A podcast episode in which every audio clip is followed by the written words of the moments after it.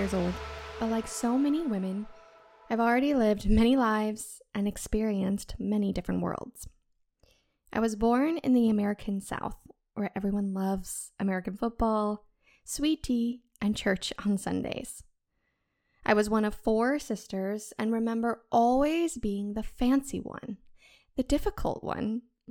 As a grown woman, I know that this meant that I had an opinion, I had something to say, and I wasn't afraid of making myself known. This is an important part of what has gotten me to where I am today. I lost this confidence, this sense of self at times, to be honest, trying to conform to the rules of how to do various female roles, whether as a mother or in the corporate space. But with each shift my life has taken, I have always refound myself, reconnected with my values, redecided on my own rules to carve out work and a life that I love. And this is important for every woman. After university, I landed a very random and wonderful opportunity to intern on the world's largest privately owned mega yacht. I know, it's a mouthful. As a high achieving hospitality management major, I thought that I would have a lifelong career in luxury hospitality management and that I would be a powerful woman GM of a large hotel brand one day. I said yes to this internship knowing it was a big deal. At least that's what my professors were telling me. But I didn't really know what I was getting myself into until I looked online and saw this massive luxury yacht and got instructions and a plane ticket to fly out to Montenegro to meet the ship.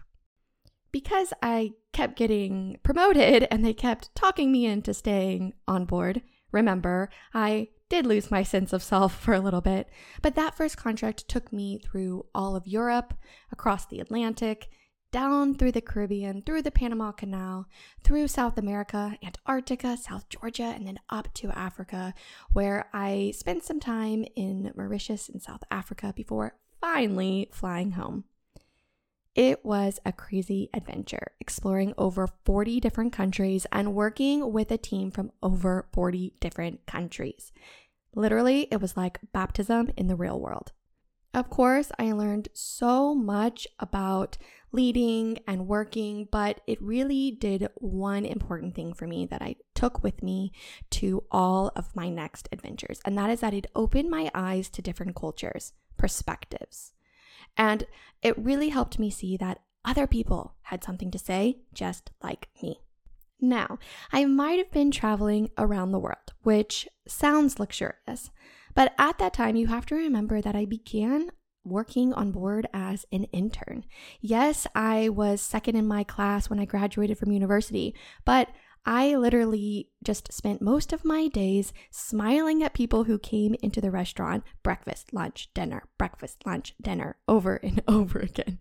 I remember the amount of sheer determination it took me to smile yet again at the same person who I saw just three hours before, month after month after month.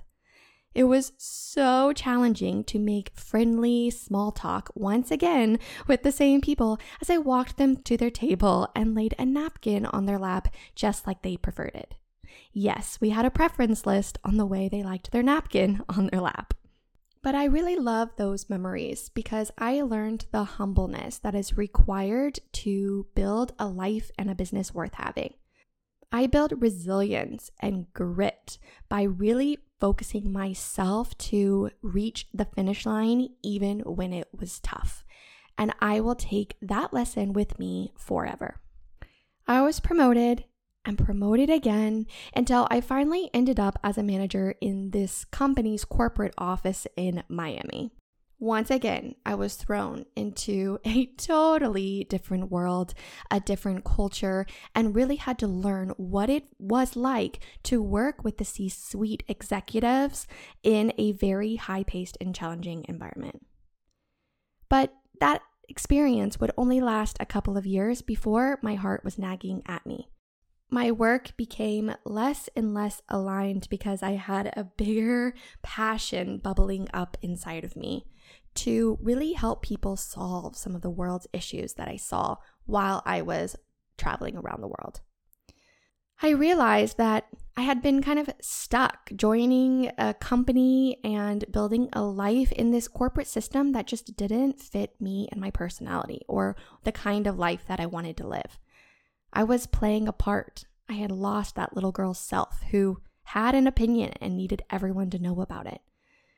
I was in a boring business suit, wasting time in boardrooms, saying all the right things and getting promoted, but yet none of it felt inspiring. I was burned out and bored at the same time.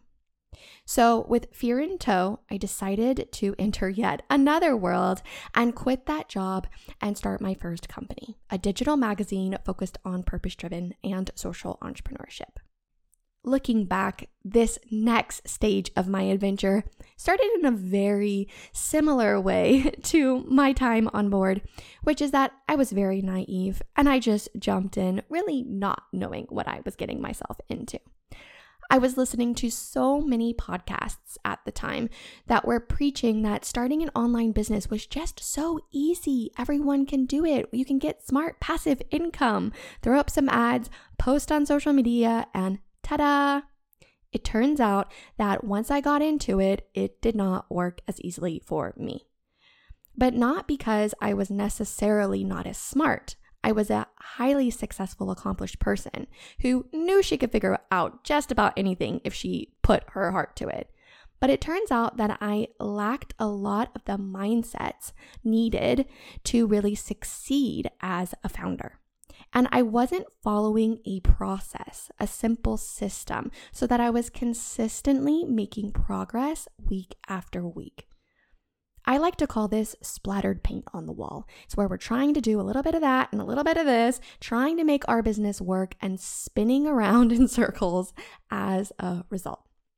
So, after a couple of months of sheer frustration, I took some great advice and hired a business coach, and that changed everything. She helped me to redesign my business around what mattered to me. It turns out that there's many thousands of ways to grow an online business, and I had to find something that really aligned with what I enjoyed and how I wanted to spend my time. Once I put that into place with the right mindsets, that ignited sales for me. Along the way, I began to understand that business is not actually about a particular product market fit or landing on a unicorn idea. It's about having CEO skill sets and the mindsets required for entrepreneurship. Entrepreneurship is a process a learnable process with steps that you follow that help you to build momentum. And that momentum is actually inevitable if you can keep your head on straight, stay consistent, stay objective, and really constrain your focus down on what matters as you follow the steps. When I learned this, it shifted. So much so that this new process that I was following, that I developed while working with that first coach and in the years following, really became my new passion. I knew that I had a very unique, doable, simple formula that an entrepreneur could follow to make their business simpler and more scalable. I started to dream about all the impact that I could make with the founders who were wanting to solve the most important social and environmental problems in the world. If I could get these tools in their hands, what could be possible? I had interviewed about a hundred different founders for the magazine who were social entrepreneurs and purpose driven founders. And I knew that it wasn't the actual circumstances that were normally in the way. Because let's be honest, every business has challenges and roadblocks.